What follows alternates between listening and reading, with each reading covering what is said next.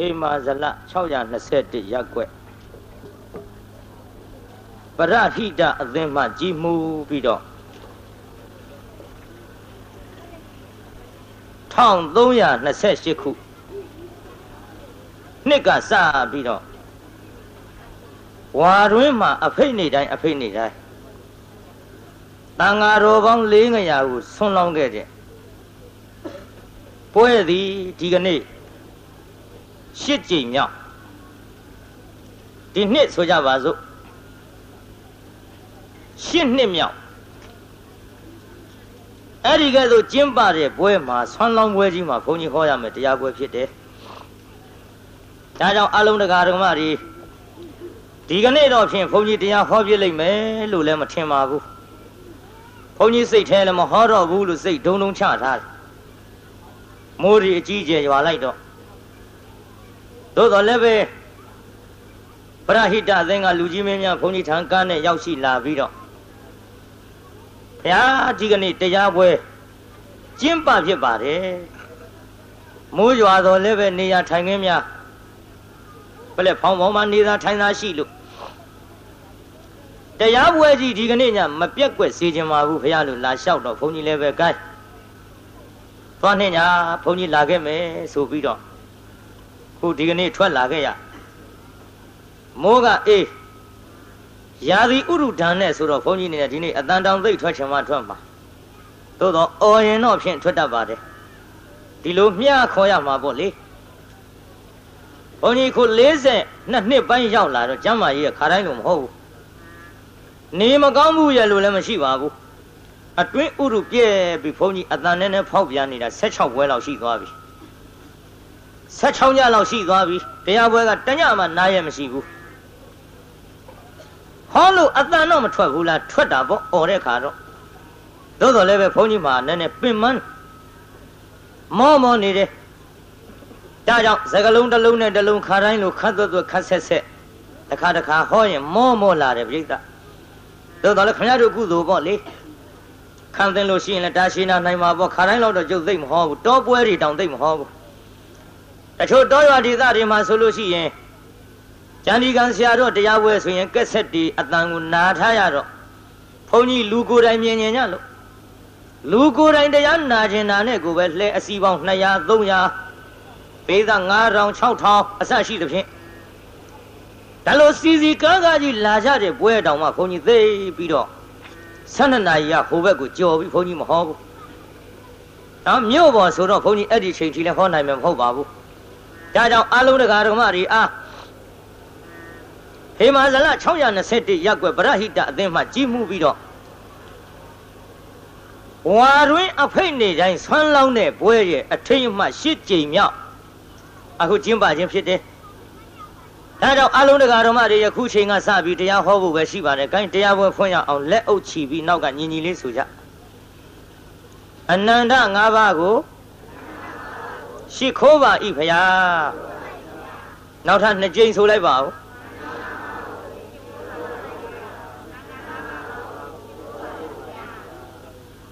။ဥသုံးချိန်ချကြ။မပြောငုတ်တုတ်ကြီးနေဦးမှာ။တရားပွဲတွေလည်းခဏခဏနားနေပါဇက်ကရှ िख ိုးပါ၏ဖះဆိုလူကငုတ်တုတ်ထိုင်းထိုင်းနေခွကြ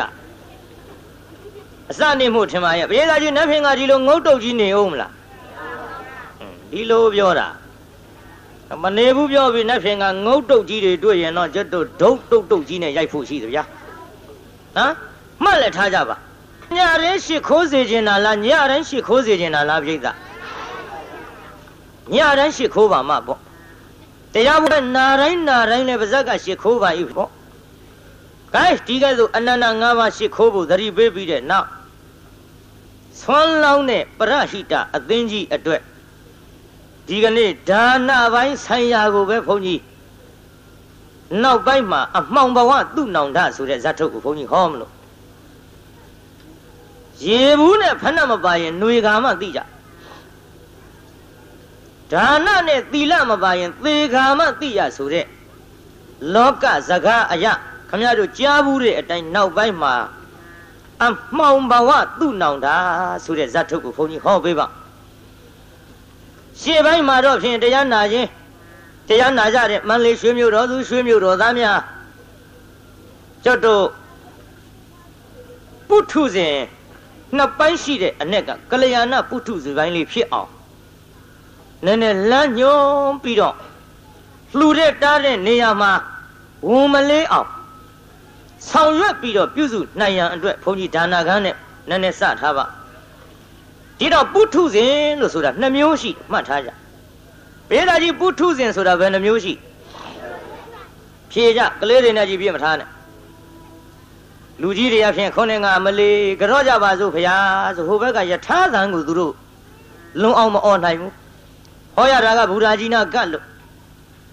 မိထားသံနဲ့ကားသံနဲ့လူသံနဲ့ဒီကြားတဲ့ခမရတို့အသံကထွက်ပါမှဗျ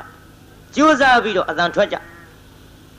ဘာဖြစ်လို့ပရိသတ်ကိုဒီလောက်ခိုင်းနေရတာတုံးဆိုတော့ခမည်းတော်မှန်မှာဘုရားတင်မှာဘုရားဖြေတဲ့အချိန်ခါမှာဘုန်းကြီးအသက်ရှူခွင့်ရပါဘုန်းကြီးမှနားခွင့်ရတရက်မှမနာပဲဟောနေတဲ့ဘုန်းကြီးဆိုတော့ခမည်းတော်အကူအညီပေးရလဲရောက်ပါတယ်နော်ပါရမီဖြည့်ရလဲရောက်ပါတယ်ဒါကြောင့်အတန်လေးမြန်ကြိုးစားပြီးတော့ထွက်ကြတွန်းအော်ရမယ်ပြောတာမဟုတ်ပါဘူးမှန်မှန်လေးတော့လူတိုင်းထွက်ပေးပေါ့ရှက်စရာမဟုတ်ပါဘူးကြောက်စရာမဟုတ်ပါဘူး gain ဒီတော့ကောင်းပြီပုထုဇဉ်ပဲနှမျိုးရှိ နှမျိုးရှိပုထုဇဉ်နှမျိုးကဘယ်သူနဲ့ဘယ်သူလဲလို့ဆိုတော့အန္ဓပုထုဇဉ်နဲ့ကလျာဏပုထုဇဉ်မှတ်နော်အန္ဓပုထုဇဉ်နဲ့ကလျာဏပုထုဇဉ်ပြောကြည့်သမ်းပါအန္ဓပုထုဇဉ်ဆိုတာပုထုဇဉ်အကန့်အန္ဓပုထုဇဉ်ဆိုတာမြန်မာလိုပြန်တော့ဘယ်လိုပုထုဇဉ်ပါလဲပုထုဇဉ်အကန့်ပြည့်စုံအောင်ဖြေလိုက် ကလျာဏပုထုဇဉ်ဆိုတာပုထုဇဉ်အကောင်းကလျာဏပုထုဇဉ်ဆိုတာဘယ်လိုပုထုဇဉ်တော့ပုထုဇဉ်အကောင်း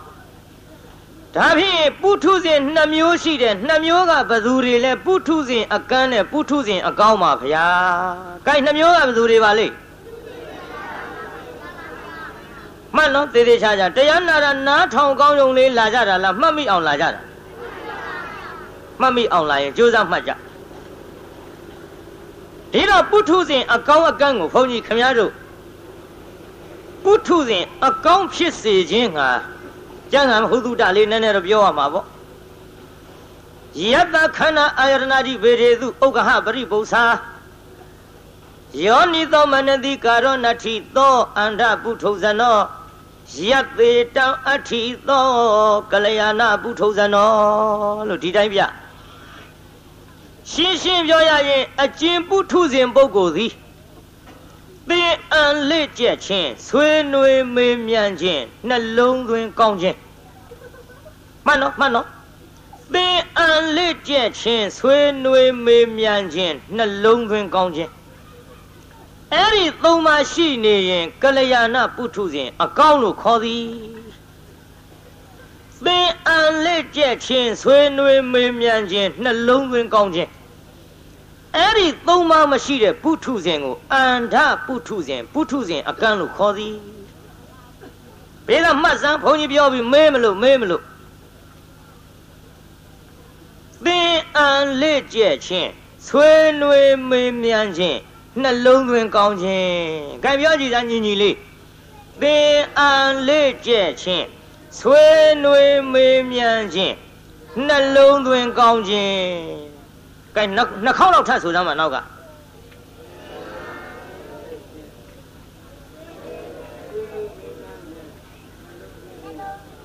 အာလောက်ကြပါအောင်ရကြတော့မလေးတတိကြောင်းတာနော်ပထမတော့ထွက်လာဟုတ်မလို့သင်အံလေးချင်းဆွေနောက်ဟဲ့ဘယ်ရောက်တော့မသိဘူး အတမထွက်ပဲနဲ့နေရင်တော့ဖြင့်ကျုပ်ကရှေ့ဆက်ဟောအောင်မယ်မဟုတ်ဘူးဗျာမှတ်မိအောင်ပြောပြီးမှရမှခိုင်းတဲ့ဘုန်းကြီးပါဗျခင်ဗျားတို့ရမ်းခိုင်းတဲ့ဘုန်းကြီးမဟုတ်ပါဘူး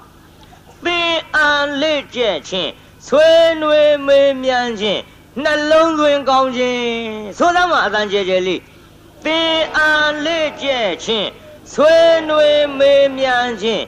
နှလုံးသွင်းကောင်းခြင်းကဲကျဲကျဲလေးတစ်ခေါက်တည်းဆိုလိုက်ပါတော့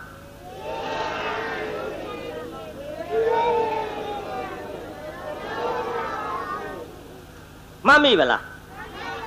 အိမ်ပါပါမလားလမ်းခလုတ်တိုက်လို့မြန်ပြောင်းမလားဟာကလေးတွေကတော့ပြောက်ဘူးတဲ့လူကြီးတွေငိမ့်နေပုံထောက်တော့ကျုပ်တော့ပျောက်လိမ့်မယ်ထင်တယ်မပျောက်နဲ့အိမ်ထိအောင်ယူသွားကြအဲ့ဒီသုံးခုရှိနေရင်ကလျာဏပုထုဇဉ်လို့ခေါ်တယ်ပုထုဇဉ်အကောင်းအဲ့ဒီသုံးခုမရှိရင်အန္တပုထုဇဉ်အကန့်လို့ခေါ်တယ် ဒီတော့တရားနာပရိသတ်ကြီးကြုံမေးအောင်မယ်ပုထုဇဉ်အကောင်းဖြစ်ခြင်းသလားအကန့်ဖြစ်ခြင်းဟေးအကောင်းဖြစ်ခြင်းရင်ဘယ်နှခုရှိရမှာတော့ဟေးသုံးခုပါဆိုနှစ်ခုကဘာလာလိုက်သေးပြောခဲ့ပြီးသားဟဲ့ပုထုဇဉ်အကောင်းဖြစ်ခြင်းရင်ဘယ်နှခုရှိရမှာအသုံးခုခုနကပြောခဲ့တယ်ဘယ်သူတွေပါလိမ့်သင်အန်လေးကျက်ခြင်းဆွေးနွေးမေးမြန်းခြင်း နှလုံးသွင်းကောင်းခြင်းအဲ့ဒီသုံးခုရှိရင်အကောင်းလားအကန့်လားဟဲ့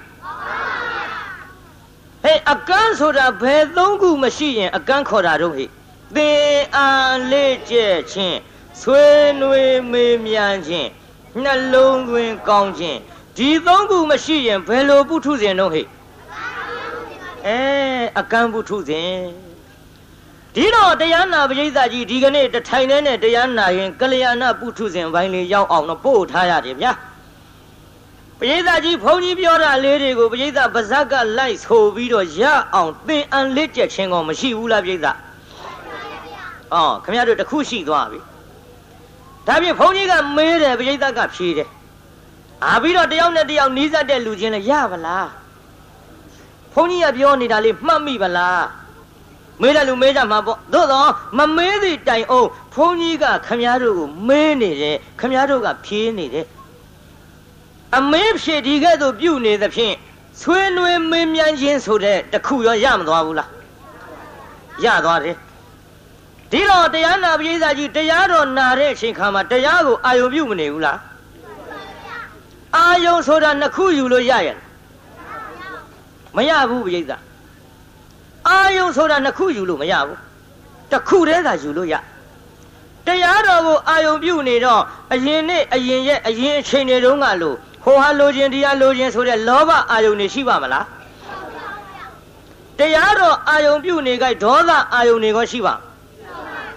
ဘိဓာကြီးမောဟအာယုန်တွေကရှိပါမာနဒိဋ္ဌိတွေကတရားနာနေတဲ့အချိန်ခါမှာရှိပါအဲပပိစ္ဆတရား၅ပါးအခုချုပ် အဲ့ဒီလိုတရားတော်အာယုန်ပြုနေကြခုနကလောဘဒေါသမောဟမာနဒိဋ္ဌိဆိုတဲ့ဒီအာယုန်တွေချုပ်နေသဖြင့်ပရိသတ်ရဲ့စိတ်နှလုံးလေးဟာတရားတွေကိုနှလုံးသွင်းထားခြင်းကြောင့်ပရိသတ်ရဲ့နှလုံးသွင်းကတော့မကောင်းဘူးလားပရိသတ်ဒါဖြင့်သင်အန်လက်ကျက်ခြင်းလည်းရနေပြီဆွေးနွေးမေးမြန်းခြင်းလည်းရနေပြီနှလုံးသွင်းကောင်းခြင်းလည်းရနေဘေးသားကြီးခုတရားနာရင်အဲ့ဒီသုံးခုခမည်းတော်ရမနေဘူးလား ဒီသုံးခုရှိနေရင်ဘာပုထုဇဉ်လဲအဲပုထုဇဉ်အကောင်းဒါဖြင့်ဘိယိသားကြီးဒီသုံးခုရှိနေသဖြင့်တရားပွဲထိုင်နားနေတဲ့ခိုက်တံမှာပုထုဇဉ်အကောင်းမဖြစ်ဘူးလား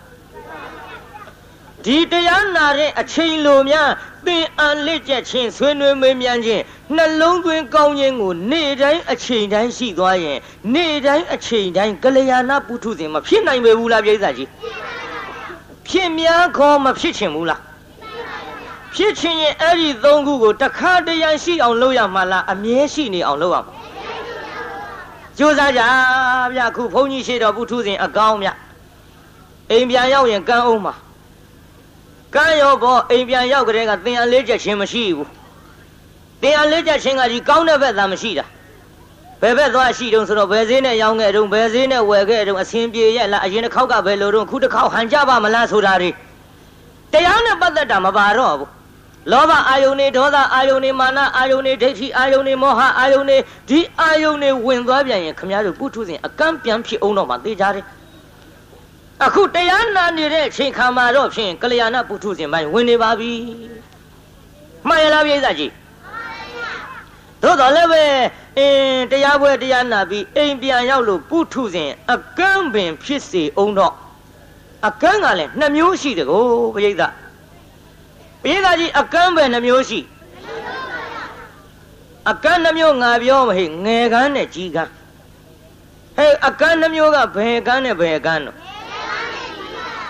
ငယ်ကန်းနဲ့ကြီးကန်းဆိုတာအမိဝမ်းနဲ့ကလေးကငယ်ငယ်ကလေးတွေကကန်းလာဝင်းတွင်းပါပေါ့ကွယ်ငငယ်လေးတွေကကန်းလာတော့အဖြူအနီအစိမ့်အဝါပြလေးတောင်အရှိဝိုင်းဆိုတာကြီး तू မြင်ဘူးရဲ့လားဟိမမြင်ဘူးတော့ तू သိပါမလားဟိ မသိပါဘူးအသက်ကြီးမှကန်းတဲ့လူကြတော့ငယ်ငယ်မကန်းခင်တုန်းကမြင်ထားတာလေးတွေကို तू များပြောပြ तू မသိဘူးလားဟိအဖြူဆိုလည်းမသိဘူးလားအနီဆိုလည်းမသိဘူးလားလေးတော့အရှိအဝိုင်းရှည်ရှည်ပူပူဆိုတာတွေကမသိဘူးလားဟိဘာပြုလို့သိတာတော့မြင်ဘူးလို့ပြေးတာကြီးဘာပြုလို့သိတာတော့ ကဲမြင်ဘူးလို့ငယ်ငယ်တုန်းကကန်းတာမဟုတ်ဘဲနဲ့ကြီးမှကန်းနဲ့အကန်းနဲ့ဝင်းတွင်းကလေးကပါလာတဲ့ငယ်ကန်းနဲ့အဲ့ဒီငယ်ကန်းနဲ့ကြီးကန်းနှစ်ယောက်လမ်းသွားတဲ့ဟိဘာလို့တဲ့တော့လမ်းသွားရင်စကားပြောကြလမ်းသွားရင်စကားပြောတော့ကြီးကန်းကပြောအသက်ကြီးမှကန်းတဲ့လူကကွာတဲ့ငါနွားတို့သောက်ချင်လိုက်တာပြေးတာအသက်ကြီးမှကန်းတဲ့လူကဘာသောက်ချင် နွားတို့သောက်ချင်လိုက်တာဆိုတော့ငယ်ငယ်လေးတဲကကန်းတဲ့လူအကန်းကငယ်ကန်းကမေးလိုက်တယ်နေစမ်းမအောင်ကွာတဲ့နွားတို့ဆိုတာဘယ်လိုဟာတော့ဒီတော့အသက်ကြီးမှကန်းတဲ့လူကမြင်ဘူးထားတော့သူကပြောတာပေါ့မင်းနဲ့ကွာတဲ့နာဝေးတာတဲ့နွားတို့ဆိုတာတို့အဖြူပေါ့ဒီတော့ငငယ်လေးတွေကကန်းတယ်မမြင်ဘူးတဲ့လူကထပ်ပြောတယ်နေစမ်းမအောင်ကွာတဲ့ အဲ့ဒီအဖြူကဘယ်လိုဟာတော့အဲလမ်းတော့ဆုံးပုံမပေါ်မင်းနဲ့ကွာတဲ့ပြောရတာလက်ဝင်တာတို့အဖြူဆိုတာထုံးခဲကြီးလို့ပေါ့ဒီတော့ဟောပြန်မေးတယ်နေသမ်းမအောင်ကွာတဲ့ထုံးခဲကြီးကဘယ်လိုဟာတော့အဲဒီလမ်းဆုံးပုံမပေါ်ဘူး မင်းကွာတဲ့ပြောရတာဟန်မကြလိုက်တာအကန့်ချင်းလူလဲလှုပ်တယ်လဲမအောင်မင်းနဲ့ဟေးဟောအဖြူဆိုတာတို့ဗျိုင်းကလေးလို့ပေါ့ကွာဒီတော့ဟောပြန်မေးတယ်နေပါအောင်ကွာတဲ့အဲ့ဒီဗျိုင်းကလေးကဘယ်လိုဟာတော့ကဲမင်းပါဇက်နဲ့ပြောနေလို့တော့အကန့်ချင်းဆိုတော့လေမြင်အောင်မကြည့်တတ်တော့ကြွကြတာဟောလက်နဲ့ကင်ကြည့်ရအောင်ငါပြမှာဟောတာဗျိုင်းလေးကွာ ဒီနေရာကနှုတ်သီးကွာဒီနေရာအတောင်မှန်ကွာဒီနေရာခြီတော့ကွာမလက်ကလေးကောက်ကွေးပြီးတော့ပြလိုက်လက်ကလေးကောက်ကွေးပြီးတော့သေသေးချာချာပြလိုက်တော့ငယ်ကန်းကစမ်းကြည့်ပြီးတော့ဘာပြောတော့ဟင်းမင်းနွားနှုတ်မတော့ချင်ပါဘူးကောက်တိကောက်ကွေးကြီးတဲ့ကဲငယ်ကန်းနဲ့ကြီးကန်းမကွာဘူးလားပြိဿဟေးအကန်းချင်းတော့အတူတူပဲမဟုတ်လားဟေး ဒါပေမဲ့လို့အသက်ကြီးမှကန်းတဲ့ကြီးကန်းကမြင်ဘူးတာမှန်သမျှပြောပြရင်မသိဘူးလားဟဲ့အငယ်ငယ်လေးတုန်းကကန်းတဲ့လူကမမြင်ဘူးတော့ကိုဘယ်သူပြောပြပြသူသိဖို့လွယ်ပါမလားဟဲ့ဒါကြောင့်တရားနာပရိသတ်ကြီးကျုပ်တရားဝဲမှာအခုခမားတို့ပုထုဇဉ်အကမ်းမဟုတ်ခဲနဲ့တရားနာနေတဲ့အခိုက်အတန့်မှာတော့ဖြင့်သင်အံလက်ကျက်ခြင်းဆွေးနွေးမေးမြန်းခြင်းနှလုံးသွင်းကောင်းခြင်း အဲ့ဒီသုံးပါရှိနေလို့ယခုတော့ဖြင့်ကလျာဏပုထုဇဉ်ဖြစ်ပါပြီတဲ့သို့တော်လဲတရားပွဲကြီးကပြန်သွားတဲ့အချိန်ခါမှာအိမ်ပြန်ရောက်တော့လောဘအာယုံဒေါသအာယုံမောဟအာယုံတွေဝင်လာပြန်သဖြင့်ပုထုဇဉ်အကန့်မဲ့ပြန်ဖြစ်လိမ့်မယ်ဟာဒီလိုပုထုဇဉ်အကန့်မင်ဖြစ်လင့်ကစားအကန့်မင်ဖြစ်လင့်ကစားငယ်ကန်းမဟုတ်ဖဲနဲ့ကြီးကန်းနဲ့တူတယ်ဟူ၍မှတ်ကြ ပေးတာကြီးမင်းအောင်ငယ်ကန်းကြိုက်လားကြီးကန်းကြိုက်လားအေးငါလည်းဖမ်းမပေးနိုင်ကြွကြဟွန်းအသားတော့မဲတယ်နော်အဲ့ဒီကြီးကန်းကြီးလည်းမအောင်မေးနဲ့ဟေ့အသက်ကြီးမှကန်းတဲ့အကန်းကိုဆိုလိုတယ်ကြီးကန်းကအသက်ကြီးမှကန်းတဲ့အကန်းကမြင်ဘူးတာမှန်သမျှပြောပြလို့သိသလိုပေါ့ကွယ်တို့ပရိသတ်ကြီးတရားတွေနာပြီးတော့အင်းနောက်ရဲ့ပုထုဇဉ်အကန်းပြန်ဖြစ်အောင်တော့ နာဘူးတဲ့တရားတွေကိုဘဟုတုတရလာသဖြင့်သူများပြောပြရင်တရားနာပရိသတ်ကြီးမသိနိုင်ဘူးလားပရိသတ်ဒါဖြင့်ပရိသတ်ကြီးငယ်ကန်းနဲ့တူသလားကြီးကန်းနဲ့တူအဲဒါကြောင့်အသက်ကြီးမှကန်းတဲ့အကန်းမျိုးဖြစ်အောင်သာကြိုးစားကြဒါတရားနာပရိသတ်ကြီးပုထုဇဉ်မိုင်းဆိုင်ရာနှမျိုးကိုခွဲပြောပြီးပါပြီဒီတော့တရားနာပရိသတ်ကြီးပုထုဇဉ်ဒီကနေ့အကောင်းဖြစ်နေသလားအကန်းဖြစ်နေသလား ဘယ်တော့မှတော့ခုခုပိဒါကြီးဘယ်တော့မှတော့ပုထုဇဉ်အကောင်းဖြစ်နေဘယ်နှခုရှိလို့တော့ဟဲ့ကသုံးခုကဘယ်သူတွေပါလိမ့်အနေနဲ့အဲ့ဒါအလဲကောင်ဟာကွာတခေါ်ကျုမင်းတို့ကတခုကြော်သွားအစကစပြောပါမှာပေါ့အေး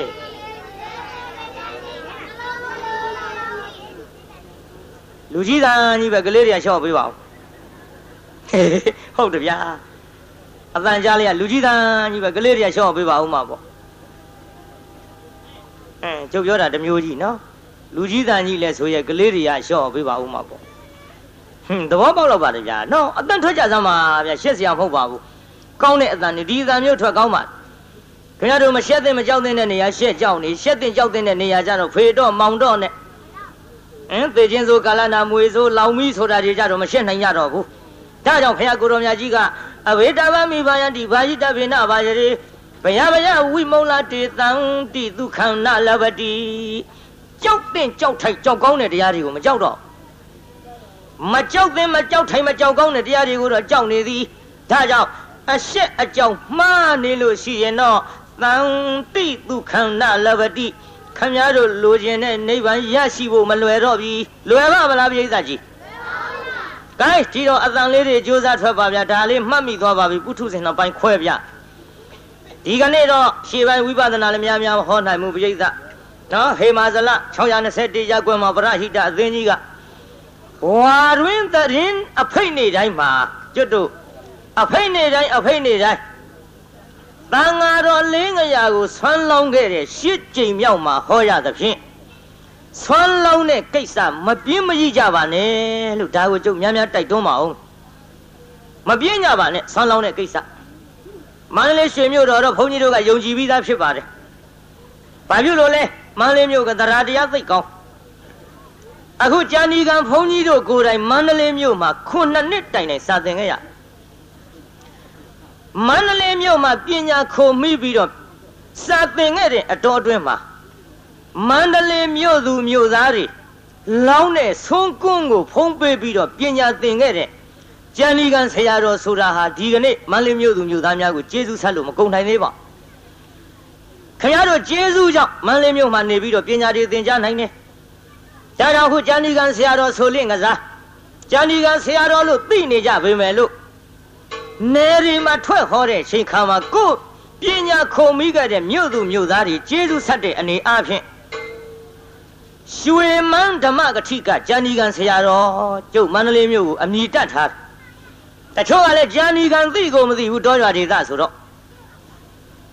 ကျန်ဒီကံဆရာတော်တရားဟောကောင်းလှတယ်ပြောတယ်ဆိုပြီးမန္တလေးမြို့လာပင့်မန္တလေးမြို့ပေါ်ကျန်ဒီကံကျောင်းတိုက်ရှောက်ရှာလိုက်တာမူနောက်လို့ဘယ်မှမတွေ့ဘူးကျန်ဒီကံဆိုတာကျုပ်မန္တလေးမြို့ပေါ်တင်ထင်တာကိုရှေ့ကတတ်ထားတာကရွှေမန်းဓမ္မကတိကကျန်ဒီကံဆရာတော်ဆိုတော့ မန္တလေးမြို့ပေါ်ကျန်ဒီကံကျောင်းတိုက်ရှောက်ရှာတယ်ဘယ်မှမတွေ့နောက်မှတယောက်မေးတယောက်မေးနဲ့တောဒေသမှန်သူတို့သိကြဒါကြောင့်ဆွမ်းလောင်းပြီးတော့တန်ဃာတော်အရှင်မြတ်များကိုလှူခဲ့တန်းခဲ့ကြတဲ့မြို့သူမြို့သားတွေဆိုတော့ဘယ်လိုအန္တရာယ်မျိုးဖြစ်စေကမူမန္တလေးမြို့မှာဂလိန်ကလေးကြီးကြီးကျယ်ကျယ်တော့ ကျွတ်တို့မျက်စိအောက်ခမရတို့မျက်စိအောက်အခုအသက်တိုင်နေလာခဲ့ကြတယ်ကျွတ်တို့မန္တလေးမြို့ဟာအသက်သာဆုံးလို့ဖြစ်နေပါတယ်ဗျာအသက်သာဆုံးလို့ဖြစ်နေတယ်ပြိဿအခုအေယာဝတီမြင့်ရည်ကြီးလိုက်တဲ့လှုပ်လှုပ်လှုပ်လှုပ်လှုပ်လှုပ်နဲ့အင်းနှစ်ကြိမ်တိုးပြန်ကျသွားပြီဒါတော့မန္တလေးမြို့အတွက်ကတော့ဘုန်းကြီးတို့ကယုံကြည်တယ်ဒါမြောက်ပြောနေတာမဟုတ်ပါဘူးမြောက်ပြောနေတာမဟုတ်ပါဘူးတစ်မျိုးလုံးလည်းသိတယ်သံဃာတော်အရှင်မြတ်တိုင်းလည်းသိတပြေလုံးလည်းသိ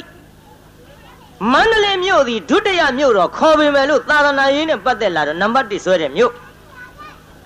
မန္တလေးတစ်မြို့လုံးမှာရှိတဲ့သံဃာတော်အရှင်မြတ်များကိုဆွမ်းဝအောင်ကျွေးနိုင်တဲ့မြို့ဆန်ခုနှစ်ချက်ရှစ်ချက်အချိန်တုန်းကလည်းပဲဒီသံဃာတော်တွေကိုပင်လျင်မိမိတို့စားရသမျှနဲ့တကယ်တမ်းကျွေးလာခဲ့တဲ့မြို့။ဒါကြောင့်မန္တလေးမြို့ကသံဃာတော်အရှင်မြတ်များရဲ့မိခိုအားထားရ သာသနာတော်ကြီးရဲ့ဗဟိုမန္တိုင်သဖွယ်မန္တလေးရွှေမြို့ဟာဗမာပြည်မှာဖြင့်တရားနာပိသနံပါတ်1ဆွဲတဲ့မြို့ပါဗျာ။ဒါခမရတို့အသိမို့ကြုတ်ထုတ်ပြောနေကြမလို့ပါဘူး။ယဉ်ကျေးမှုနဲ့ပတ်သက်လာတော့လေတရားနာပိသ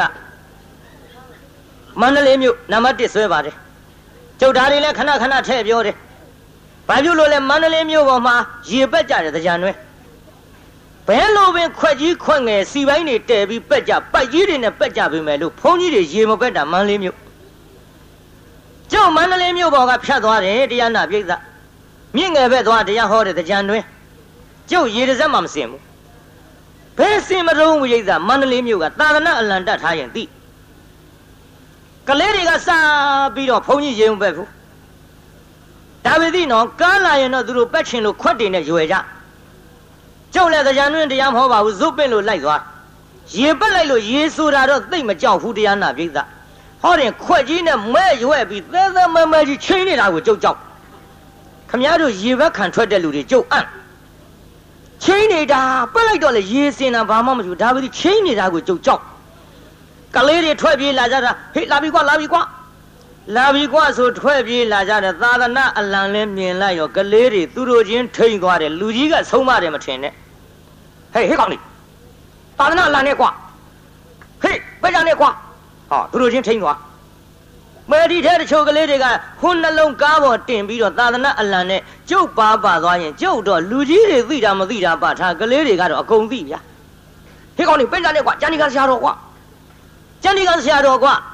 ဟောကျုပ်မန္တလေးမြို့တဲကဖြတ်သွားတာရေတစ်စက်မစင်ပါဘူးဗျဒါရွှေမြို့တော်ရဲ့ဂုံကျက်စီပြောနေတာ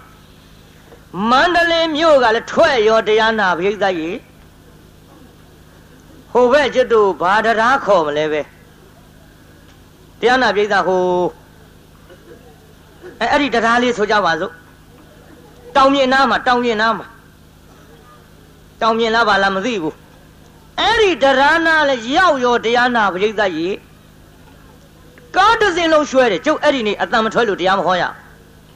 ကျုပ်ကတမျိုးပရိသတ်အစားတောင်းနဲ့ပတ်သက်လို့စီစားဝက်သားစားစားခြင်းရစားကျုပ်ဘာမှရှောင်နေဖို့ကြီးမဟုတ်ဘူးအကျော်လဲစားတာအစားစားမရှောင်ပါဘူးကျုပ်တန်ကိစ္စမရှိအဘယ်လိုကြရင်ကျုပ်အတန်ဖောက်ပြန်လာတယ်လဲဆိုရင်12နာရီရဲ့ဟိုဘက်ရေချိုးလို့မရ12နာရီရဲ့ဟိုဘက်အိတ်လို့မရဘူး12နာရီရဲ့ဟိုဘက်ခြီဘဝရေထိလို့မရအဲ့ဒါကျုပ်တန်ဖောက်ပြန်တာ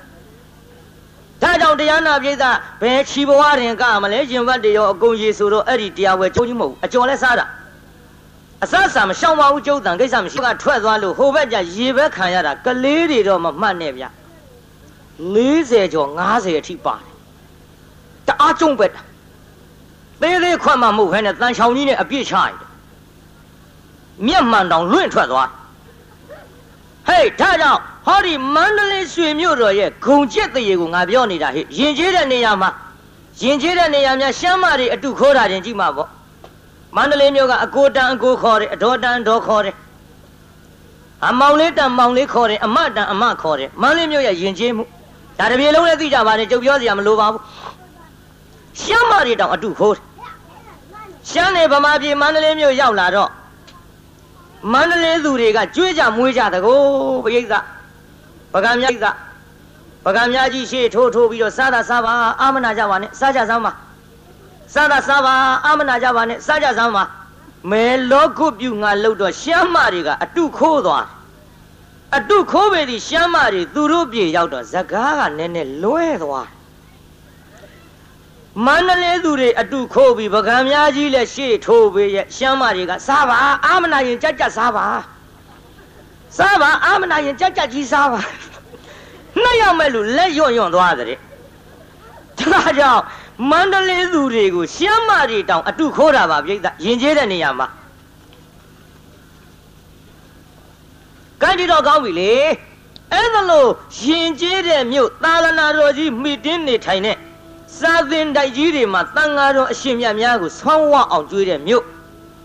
ဒါကြောင့်ဆုံးလောင်းတဲ့နေရာမှာအင်းရွှေမြို့တော်ကြီးမန္တလေးမြို့မှာရွှေဗလာမှုအနာကုစရာမလိုတော့လဲပဲကျွတ်တို့ကပူတယ်လို့မရှိတာမို့လို့ထပ်ပြီးသတိပေးရပါတယ်ဗျာဆုံးလောင်းတဲ့ကိစ္စမပြင်းကြီးကြပါနဲ့အဲဆိုကြပါစို့ဟေမာဇလရ621ရက်ွက်ကပရဟိတအသင်းကနေပြီးတော့လူအော်ဒါတို့တော့လှူလိုက်ပြီလေလူကြီးတွေလောင်းတာပဲ ဟာဒီအတွက်မျိုးမတွက်ပါနဲ့လူကြီးတွေလောင်ပြီးတာပါပဲဒီစီမျိုးနဲ့ရမထားနဲ့ဟာဆွန်းလောင်းတဲ့ကိုယ်တိုင်ကိစ္စမှာတဟတိကကိုယ်တိုင်လူရင်ပို့ပြီးကျေးဇူးရှိသဟာ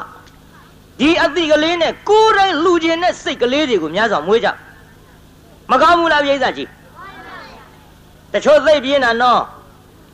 သိပြင်းတာပြင်းတော့ဘသူတွေများစွာပြင်းတော့ဆိုတကားတွေပို့ဆိုးတကားကြီးတွေကြကြကယူဆိုင်ကြဗျ ခင်ဗျားတို့နောက်ကောက်ကြမနော်နောက်ကောက်ကြတာရှင်းရှင်းပြောရရင်များကျမ်းဂန်နဲ့တွေ့ရကျွတ်တို့တာဝရိန္ဒနတ်ပြည်မှာနတ်သားတစ်ယောက်နတ်သမီးတစ်ထောင်တောင်ရှိတဲ့ဗျတကားတို့ခင်ဗျားတို့သနာလို့ပြောနေတာနောက်ကောက်ကြနေမယ်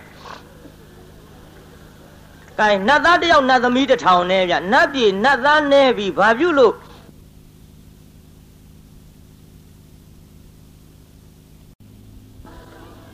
ဒကမတွေမြောက်ပြောနေတာမဟုတ်ဘူး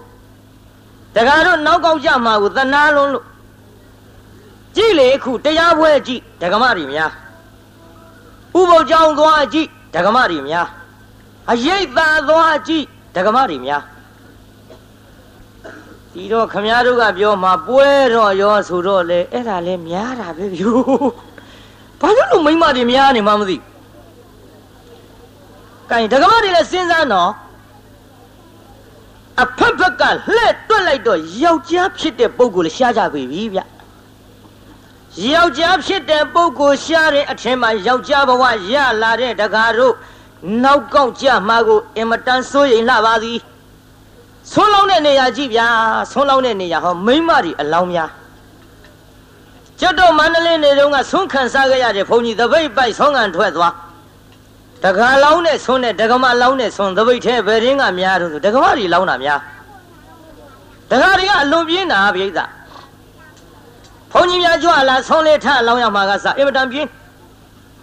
ဟာဘုန်းကြီးကြွလာပြီဆွန်းလောင်းသူကိုယ်တိုင်ထလောင်းငရဲကြီးတဲ့အတိုင်းပဲကလေးခိုင်းတော့ဟဲ့ကောင်းပါလေဟဲ့ကောင်းလေးဒီတိုင်းခိုင်းကျုပ်လေးဟောမန္တလေးရောက်ခါစားကတရားနာပြိဿသပိတ်ကြီးပိုက်ပြီးတော့ဆွမ်းကန်ထွက် သပိတ်ကြီးပိုက်ပြီးတော့ဆွမ်းကန်ထွက်တဲ့အချိန်မှာဆွန်းစလုံးကြီးအငွေတစ်ထောင်းထောင်းနဲ့တတ်ထားတဲ့တရားနာပြိဿလူမမြင်ရင်တော့မရက်ပါဘူးလူမြင်တော့ကျွတ်တို့တောကတက်ကြီးပွားတဲ့ပွဲစားနဲ့တူပါရဲ့ရောင်တုံးကြီးနဲ့ထိုင်းနေဆေးဘောလေးကြီးလက်ချမ်းညှလို့လက်ဖက်ရည်ချမ်းမကန်တောက်ကျုပ်ကဝင်ရရောပရိသတ်ရေဆွန်းစလုံးကြီးမြင်လို့ ဝင်ရတော့တကယ်ဆိုကိုယ်တိုင်ထလောင်းလိုက်ပါလားမလောင်းဘူးဗျပြင်းပုံပြောနေဟေးဒေါ်ကြီးကိုတော်လေးဆွန်းရနေတဲ့ဆွန်းထွက်လောင်းပါတဲ့မနိနေဘူးလှပြီမဲဘုန်းကြီးလူတွေနဲ့ဒူတယ်ဗျမနိဆိုတာအုတ်ခေါင်းပြောတယ်ဟေးဒေါ်ကြီးဆွန်းထွက်လောင်းမှာကိုတော်လေးမနိနေဘူးလှပြီအိမ်ထဲကတခွန်းနဲ့မကြဘူးနှစ်ခွန်းပြောတော့တော့နဲ့တော့ဆွန်းလောင်းတာငရဲကြီးတာကြလို့ကျုပ်ချက်တုံးပြုတ်တုံးမအားလက်လို့ ကိုယ်တိုင်ထွက်လောင်းလိုက်ပြီးရောအဲအဲ့ဒါလို့မအားသေးဘူးဆိုတော့လေအဖိုးကြီးမနေတာမနေတာတော့ဆွန်းစလုံးကြီးကိုင်းပြီးတော့ဆွန်းထွက်လောင်းလာဆွန်းထွက်လောင်းတော့လေရိုးရိုးမဟုတ်ဘူးဗျတရားနာပြိဿမြေကြီးနဲ့ဘောက်ဘက်ဘောက်ဘက်နဲ့တယောက်တည်းရံဖြစ်ထွက်လာမြေကြီးနဲ့ရံဖြစ်တာဖြစ်ရောပေါ်ပြဆွန်းထလောင်းရကလေးကလည်းဖရိသောပကံတဝဲတစ်ပြက်လေးနဲ့ဆေးဘောလိတ်အရှူပြက်တာကို အရှူပြက်တော့တရားနာပြေးစားကြောက်ချီရောက်လာပြန်တော့လေမန္တလေးမြို့ဆိုတာတန်ငါစိတ်အောင်လောင်းရတန်ငါစိတ်အောင်တဇွန်းစီလောင်းရတာ तू ကမဟုတ်ဘူးဗျို့ကျုပ်သောဘိတ်ထဲဇွန်းကြီးနဲ့ဆွန်းနေအကုန်ရက်ချဟွန်းကျုပ်ကတော့တရားတရားရှိတာမရှိတာအပထားလို့အကုန်ရက်ချကြတဲ့ကကျုပ်တော့ပြုံးနေဒီထဲအိမ်ထဲကဒကမာကြီးကလှမ်းပြောတယ်ကျုပ်လည်းအာနာတယ်နဲ့တူပါရဲ့အင်းဖိုးကြီးနောက်ကိုယ်တော်တွေကြံသေးသနော် ကြားဘူးဖိုးကြီးနောက်ကိုယ်တော်တွေကြံသေးသနော်ဒီတော့လူပြင်းတွေရဲ့စကားဗျဒကာကြီးတွေမှတ်ချင်မှတ်သွားပေါ့ဟာဆွန်းလောင်းတာပဲဖောက်တဲ့ထားလောက်မနေနိုင်တာဘူးကုံသွားပြီးရောပေါ့ကဲအကုံရက်ချဒီတော့ကျုပ်စိတ်ထဲသထာရမသထာရတော့မသိဘူးဒီအဖိုးကြီးလောင်မြန်၃ယောက်လောက်တွေ့ရင်ငါသပိတ်ရှမ်းနေဒါကျုပ်တွေ့ကိန်း စေတနာရှိမရှိတော့ထဲမတွေ့ဘူးလေကိုဝဖို့အရေးကြီးတာကို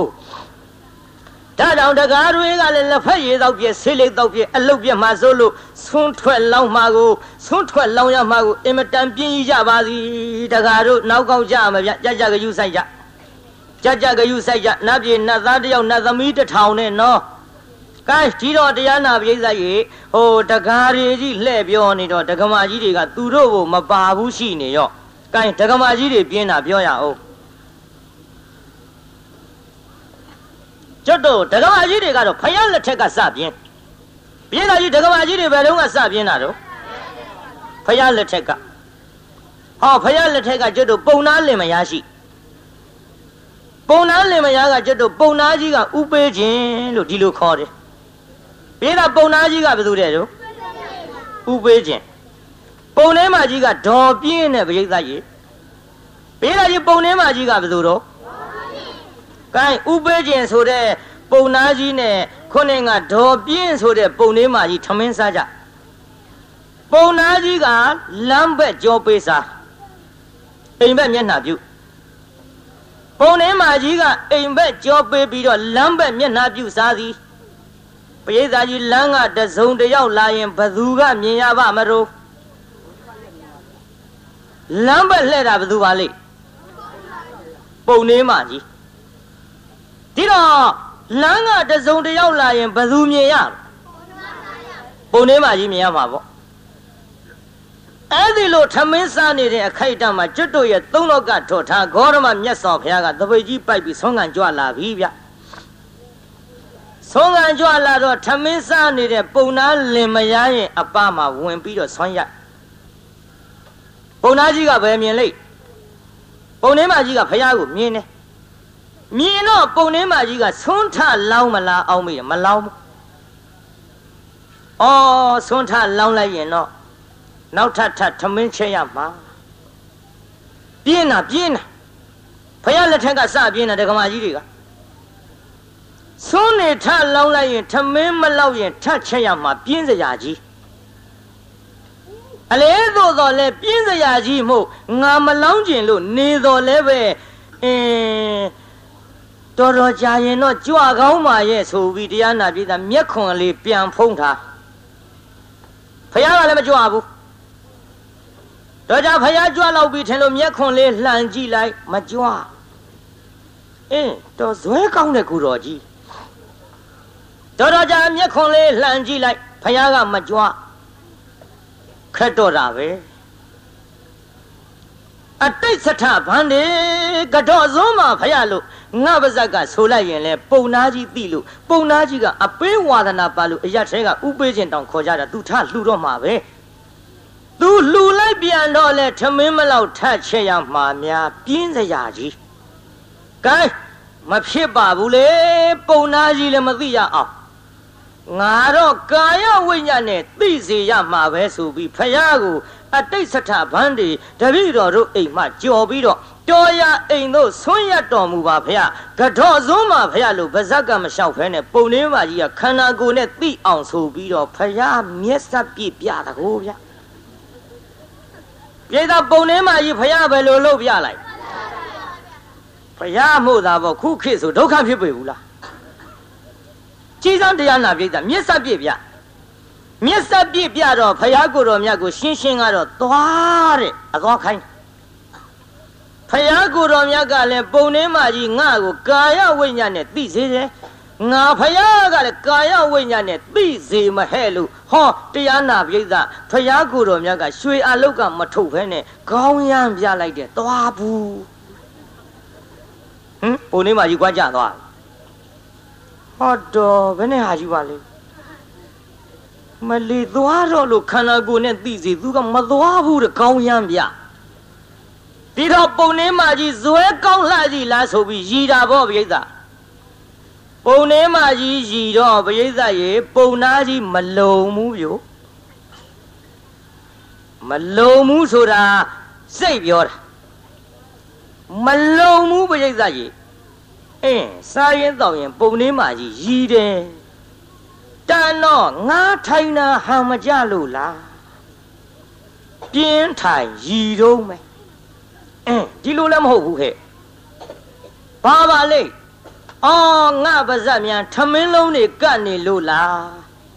လက်လေးနဲ့တရက်ပြီးတော့ပြန်စားရည်တော့မယ်ပြိဿဟောဘာပါလိမ့်အခုတည်းထိရည်တော့မှာလား ပုံထဲမှာကြီးမျက်နှာသေးသေးချာချာကြည့်ပြီးဘာများပါလိမ့်မတုံးလို့စဉ်းစားတော့ပုံထဲမှာကြီးကသူ့ကြည့်တာမှမဟုတ်ဖဲနဲ့တရားနာပိသသူ့ခေါင်းပေါ်ကျွတ်တို့ကြော်ပြီးတော့သုံးလေးတောင်လောက်ကြော်ကြည့်နေတာတွေ့ရအဲ့ဒီတော့မှပုံနာကြီးစဉ်းစားတယ်တန်းငါနောက်တယောက်ယောက်ရောက်နေပြီထင်တယ်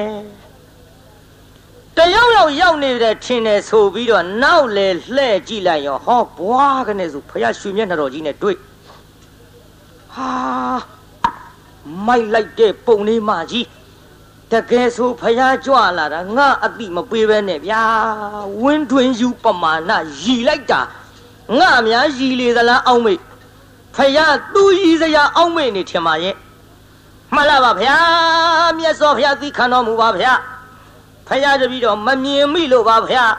တပည့်တော်ပုံနေမကြီးဆွမ်းလောက်ရမှာအလွန်ပြင်းတဲ့နာမည်နဲ့လိုက်တဲ့မဲပြင်းမို့ပါဗျာ အရှင်ဗျာတပည့်တော်တို့ဆွမ်းလောင်းခြင်းတော့လည်းပဲအခုစားနေတဲ့ထမင်းနေစားဆဲဖြစ်လို့အရှင်ဖယားအလှခံတော်မူပါသလားဖယားရှောက်ရောပြုအလှခံတော်မူပါသလားလို့ရှောက်တော့ဖယားကိုယ်တော်မြတ်ကအမိန့်ရှိဟဲ့ပုံနာတဲ့ငါတို့မှုနိမိမှန်ယဟန်ဆိုတာစာဦးကိုလည်းအလှခံတဲ့ပုံနာကြီးစားစဲကိုလည်းအလှခံတဲ့ပုံနာ စားကျွင်းကိုလည်းအလှခံတဲ့ပုံနာတဲ့ဗျဖယားဟောတာလေးမှတ်ထားကြပါတရားနာပြိဿကြီးမန္တလေးမြို့သူမြို့သားတွေမှတ်သွားကြပြုစားဥတဲ့ဗျစားစဲတဲ့ဗျစားကျွင်းတဲ့အဲ့ဒီသုံးခုစလုံးအလှခံတဲ့ပြုကဲကျွတ်တို့စားဥလေးကစပြောကြစို့စားဥဆိုတာကမိမိတို့မစားခင်ဥဥဖြားဖြားထမင်းအိုးပေါင်းကလေးခုခတ်ပြီးတော့လှူတာကိုစားဥလို့ခေါ်တယ်ဗျာ တချို့များကြတော့လူကြီးမိဘတွေကဆုံးမကြ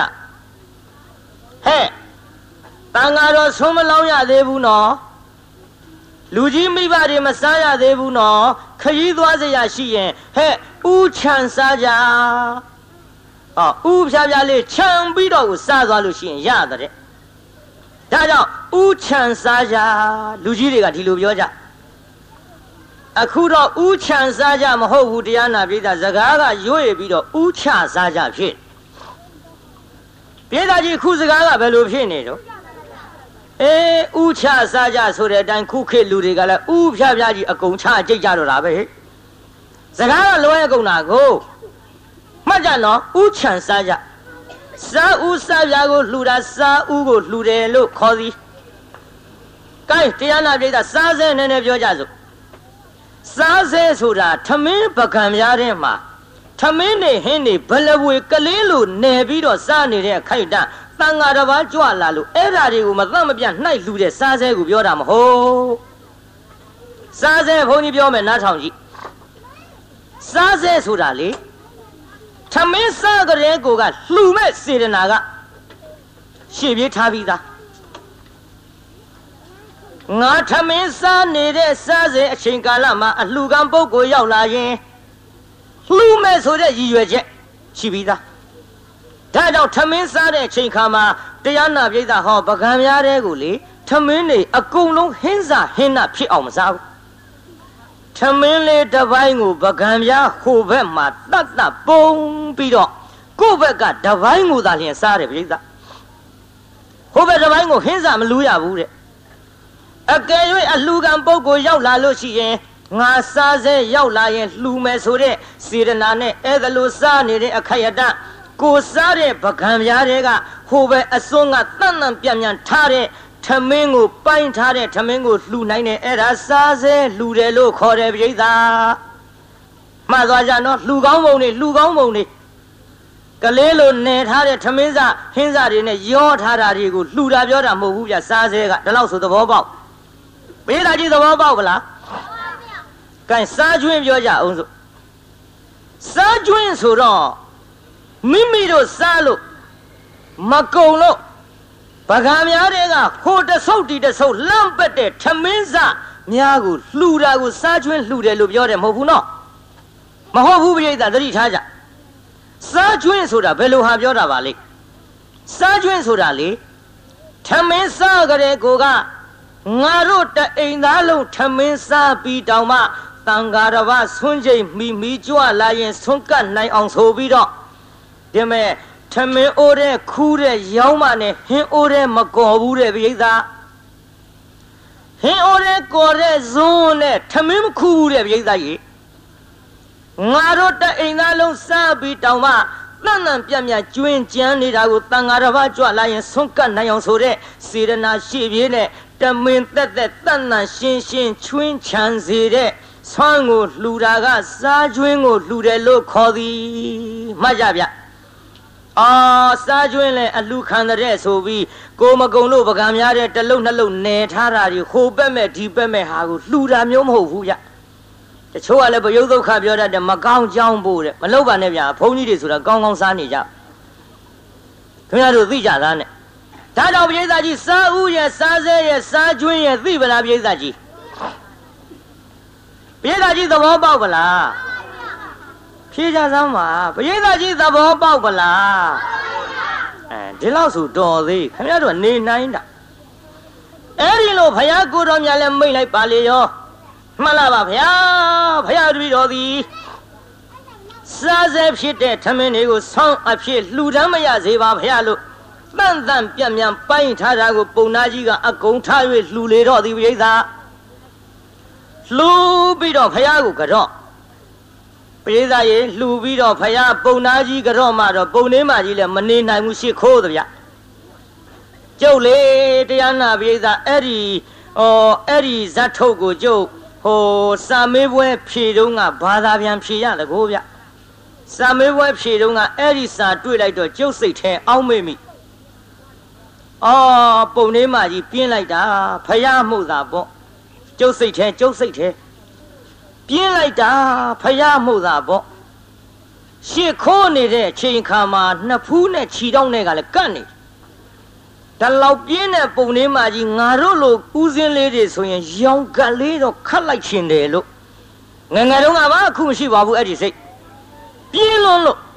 ဒါကြောင့်တရားနာပိဋကကြီးအဲ့ဒါလို့ လှူဒန်းတဲ့အချိန်ခါမှာဖယားကိုတော်မြတ်ကဆွမ်းကြိုး၅ပါးကိုဟောတော်မူပါသည်ပိဋကကြီးဆွမ်းကြိုးပဲနှစ်ပါးရှိကိုင်းဆိုကြည်စားနောက်ကကျဲကျဲလွင်လွင်လေးအာယုန်ဒေတိအာယုန်ဒေတိဝန္နံဒေတိဝန္နံဒေတိဒုက္ခံဒေတိဒုက္ခံဒေတိဗလံဒေတိဗလံဒေတိပฏิဘာနံဒေတိအဲ တန်ဃာတော်တွေကိုဆွန်းလူရင်ဘယ်လိုလှူခြင်းများဖြစ်တယ်လဲဆိုရင်တက္ကရာတို့ခုခေမာဇလ621ရက်ွက်ကပရဟိတအသင်းကြီးမှာဝါရင်းအဖိနေတိုင်းအခုရှစ်ကြိမ်မြောက်ရှစ်နှစ်မြောက်လှူဒန်းရတဲ့ဆွမ်းတကဆွမ်းမတွေနော်ဘာတွေကိုလှူရရောက်တယ်လဲဒီဆွမ်းလှူရင်ငါးမျိုးသောဒါနကိုပြုရရောက်ဘယ်လိုရောက်တယ်လဲအသက်ရှည်တယ်တန်ဃာတော်တွေဒီဆွမ်းဖုံးပေးလိုက်ရတော့ ပြေသာကြီးခုဒီပရဟိတအသင်းကတန်ဃာတော်အရှင်မြတ်များကိုလှူလိုက်တဲ့ဆွမ်းကိုဖုံးပေးလိုက်ရသဖြင့်တန်ဃာတော်တွေမှာအသက်မရှိဘူးလားပြိဿသဗ္ဗေတ္တဟာရထီတိကဆိုတော့ဆွမ်းမစားရရင်ခုနှစ်ရက်နေရင်ကိုတော်တွေဘာဖြစ်မှာတော့ကြံတော်မူမှာပေါ့ကွာသေးကုန်မှာပေါ့ဟာအခုဒီဆွမ်းစားရသဖြင့်တန်ဃာတော်တွေမသေးဘဲနဲ့အသက်ရှိတယ်ဒါကြောင့်အသက်လူရရောက်တဲ့ဗျတက္ကရာတို့ဆွမ်းတက္ကဆွမ်းမတွေ နောက်အဆင်းလှခြင်း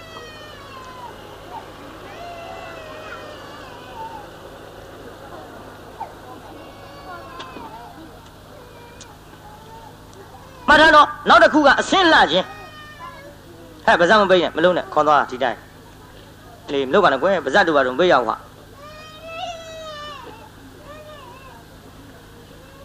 ငိုမှာပဲငိုပေးစီကိစ္စမရှိဘူးဘေးရလည်းမျက်စောင်းထိုးနဲ့ ကိုငယ်ငယ်တုန်းကလည်းငိုတာပဲဟုတ်သားပဲကိုလည်းငရကကြီးတာငိုမှာပဲကျုပ်တရားဝဲကစုံတဲ့ကလေးရောယောက်ျားရောမိန်းမရောသားသက်မအေရောစုံအောင်နာတာနာပေါ့ဗျငိုတော့ရထားတာပေါ့တိတ်တော့ဆက်ဟောတာပေါ့ရပါတယ်ဒီထက်တချို့မိန်းမတွေကဆင်ခြင်မြင်းကြီးကကန်းတာအလွန်ပဲတရားတော့နာကြမှာရဲ့တဲ့ကလေးငယ်လို့ကလေးငယ်လို့များမနာရဘူးဆိုရင်ခင်ဗျားတို့မိန်းမတွေသေအထိတရားနာရမှာမဟုတ် ဟုတ်သားပဲအရင်တယောက်မှမကြည့်သေးပဲနဲ့နောက်တယောက်ကဘယ်လိုလုပ်လို့ငဲငယ်လိုက်လာမှာသေတောင်နာရမှာမဟုတ်ဘူးဘာဖြစ်တော့ညငိုတော့ရထားတာပေါ့တိတ်တော့ဆက်ဟောတာပေါ့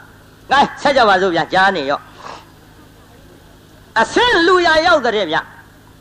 ပရိသတ်ကြီးကိုဆွမ်းမဖုံးပေးရတဲ့ကူတော်နဲ့ဆွမ်းဖုံးပေးရတဲ့ကူတော်နဲ့ဘယ်ကူတော်ကလှအေးအေးအေးမင်းတို့သိပါတယ်ကွာဆွမ်းစားရမှလှတာပေါ့ကွ ဆွမ်းမစားရပိန်ချုံပြီးတော့အယိုးပေါ်အရေးတင်အကျော်တွေပြိုင်ပြိုင်ထလို့ဘယ်လှမတုံးကွဒါကြောင့်တန်ဃာတော်ဆွမ်းလှူရတာဟာအစင်းလှအောင်လှူရလဲရောက်တဲ့တကားတို့ဆွမ်းတကားဆွမ်းအမတွေမှတ်ထားကြနောက်ပြီးတော့ချမ်းသာကြီးခြင်းတဲ့တန်ဃာတော်တွေဆွမ်းလှူရတယ်ဆိုတာစိတ်လဲချမ်းသာတယ်ကိုယ်လဲချမ်းသာစိတ်ချမ်းသာကိုယ်ချမ်းသာဖြစ်အောင် ချမ်းသာတရားတွေကိုပေးစွန့်လှူဒန်းရလဲရောက်တယ်နောက်ပြီးတော့တခါခွန်အားကြီးခြင်းပိဋကကြီးကိုဆွမ်းဖုံးပေးတဲ့ကိုတော်နဲ့ဆွမ်းမဖုံးပေးတဲ့ကိုတော်ဘယ်ကိုတော်ကခွန်အားကောင်းလို့အေးဆွမ်းစားရမှခွန်အားဗလားပြည့်ဒါကြောင့်ခွန်အားလှူရလဲရောက်တဲ့ဗျနောက်တစ်ခုကတရားနာပိဋကကြီးတန်ဃာတော်အရှင်မြတ်များ ဒီဆန်းကိုခမည်းတော်လှူတဲ့ဆန်းကိုမဖုံးပေးရရင်ဖရာရဲ့အဆုံးအမသာသနာလို့ခေါ်တဲ့စာပေပရိယတ်ဒီကိုသင်အန်လက်ကျက်နိုင်မှာမလားပြိဿဘယ်သင်အန်လက်ကျက်နိုင်လိမ့်ခမည်းတော်ဆန်းကိုဖုံးပေးရသဖြင့်ဒီစာပေကျမ်းကနေသင်အန်လက်ကျက်နိုင်ခြင်းကြောင့်ပညာဉာဏ်နဲ့တိုးပွားလာအောင်လှူရခြင်းကြောင့်ပညာလှူရလဲရောက်တဲ့ဗျ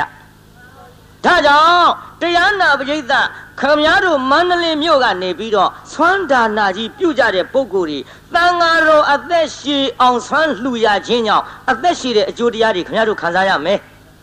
တန်ဃာတော်တွေအစင်းလှအောင်လှူလိုက်တဲ့ဆွမ်းဒါနာကြောင့်ခမည်းတော်အစင်းလှတဲ့အကျိုးတွေခံစားရမယ်တန်ဃာတော်တွေစိတ်ချမ်းသာကိုချမ်းသာဖြစ်အောင်ဆွမ်းလှူဒန်းရခြင်းကြောင့်ခမည်းတော်စိတ်ချမ်းသာကိုချမ်းသာဒါတွေကိုခံစားရမယ် အတန်ဃာတော်တွေခွန်အားကြီးအောင်လှူရခြင်းကြောင့်ခင်ဗျားတို့ခွန်အားဗလာကြီးတဲ့အကျိုးတရားတွေခံစားရတန်ဃာတော်တွေဉာဏ်ပညာအတွက်ထုံးကားအောင်လှူရခြင်းကြောင့်ခင်ဗျားတို့တို့ဖြစ်လေရဘဝဉာဏ်ပညာကောင်းနိုင်တဲ့ပိဋကဒါကြောင့်ပိဋကကြီးဆိုကြည့်စမ်းပါအသက်ရှည်ခြင်းအဆင်းလှခြင်းချမ်းသာကြီးခြင်းခွန်အားကြီးခြင်းပညာကြီးခြင်းမှတ်မိဗလား ကဲမမရင်ပြောကြည့်စမ်းဟိဖြည်းဖြည်းလေး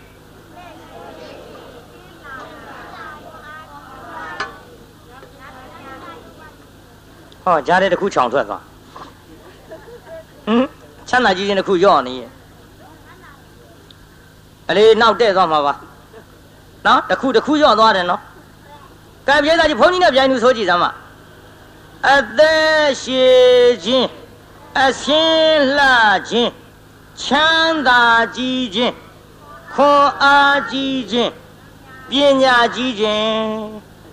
ဒါခင်ဗျားတို့မန္တလေးမြို့မို့ရိုးရိုးဟောနေတာမြင်းညာလုံးကတော့ရိုးရိုးဟောမရလို့ကျုပ်ရေးခဲ့ရဗျာစီးကြိုက်ဝါကြိုက်စီးကြိုက်ဝါကြိုက်ဆိုတဲ့ကရှင်းရှင်းပြောရရင်သချင်းမြတန်ဃာတော်9000အတွက်ကျုပ်ဆွမ်းလူခံပေးကြရ ဆန္ဒမုတ်ဇေရီကြီးကျွတ်တို့တန်ဃာ9000နဲ့ထိတင်တော့ကလေ73သိန်းလောက်ကုန်မဲ့ဘုရားကြီးအဲ့ဒါတန်ဃာ9000ကိုတဘာတဘာကိုကျွတ်တို့မနဲ့ဆုံး3ကြညအဲနေ့ဆုံး3ကြမနဲ့ဆိုတာနဲ့ညနဲ့ရောသွားမနဲ့ဆုံး3ကြနေ့ဆုံး3ကြတဘာကို6ကြတန်ဃာတဘာကိုတရားနာပိဋက6ကြဆိုတော့တန်ဃာ9000အတွက်ငွေတွေခမည်းတော်သာတွက်ကြည့်တော့ကျုပ်တော့တွက်တတ်ဘူးအဲ့ဒါတွေကျုပ်အလှခံပေးကြရ ရိုးရိုးအလှခံလို့မရဘူးပိဋကဇတ်တွေကလည်းဝင်းဘိုးတို့မြို့တော်သိမ်းအောင်တို့ရွှေနန်းတင်းတို့ဗန္ဒရာမြဝင်းတို့ကနဲ့စိန်တို့ရုပ်ရှင်မင်းသားမင်းသမီးတွေတို့အဲ့ဒီကဲ့သို့စုံစုံလင်းလင်းပွဲကြီးမှာကျုပ်16ညတိုင်တိုင်ဟော16ညဟောတဲ့တရားပွဲကြီးမှာတရားနာပြိဿကျုပ်ရိုးရိုးဟောမရလို့ရေးကြရတယ်ဗျရေးကြရတယ်ဆိုတော့ခမရတို့နည်းနည်းတော့ပြောပြရအောင်ကိုင်းပြိဿနောက်ကလိုက်ဆိုးကြည့်စမ်းပြိဿဆိုးမလားပြိဿ ကလေးတွေတော့ကျုပ်ယုံတယ်ဆိုမှပါတဲ့ကလေးတွေတော့ယုံတယ်လူကြီးတွေကဆိုမလားပြုတ်ဟောဗျာဒါကြောင့်ကလေးတွေယုံပါတယ်ဆိုမှပေးသားကြီးဆိုမလားမမမလူကြီးတွေပါလားကိုက်ဆိုစမ်းနောက်ကညောင်ကြီးကြီးလုံးမနေနဲ့နော်ရှင်းရှင်းပြောရရင်သချင်း ရိုးရိုးဟောမရလို့သဘင်တွေကြားတဲ့မှုကိုက်ဆိုစမ်းမှာသက်ရှိဆင်းလှချမ်းသာကြဖို့အမှန်တကယ်ဘယ်ဆိုးတော့ငါတဲ့တောင်တန်ကောင်းတယ်မွေးကလေးနဲ့ဟိတကယ်မွေးကလေးနဲ့နော်ကြိုက်ပါတဲ့ဆိုသားကြီးသက်ရှိဆင်းလာ ချမ်းသာကြဖို့အမှန်တကယ်ခွန်အားနဲ့ပညာကျွဲအလုံးမြတ်တဲ့အလှပါကွယ်အလွန်မြတ်တဲ့အလှပါကွယ်ခွန်အားနဲ့ပညာကျွဲမြတ်ဖယားဒေသနာသေချာမဆန်း အင်္ဂုတ်ထောကြောင့်ပြခဲ့တယ်ဟာအင်္ဂုတ်တွေဘာဖြစ်ကုန်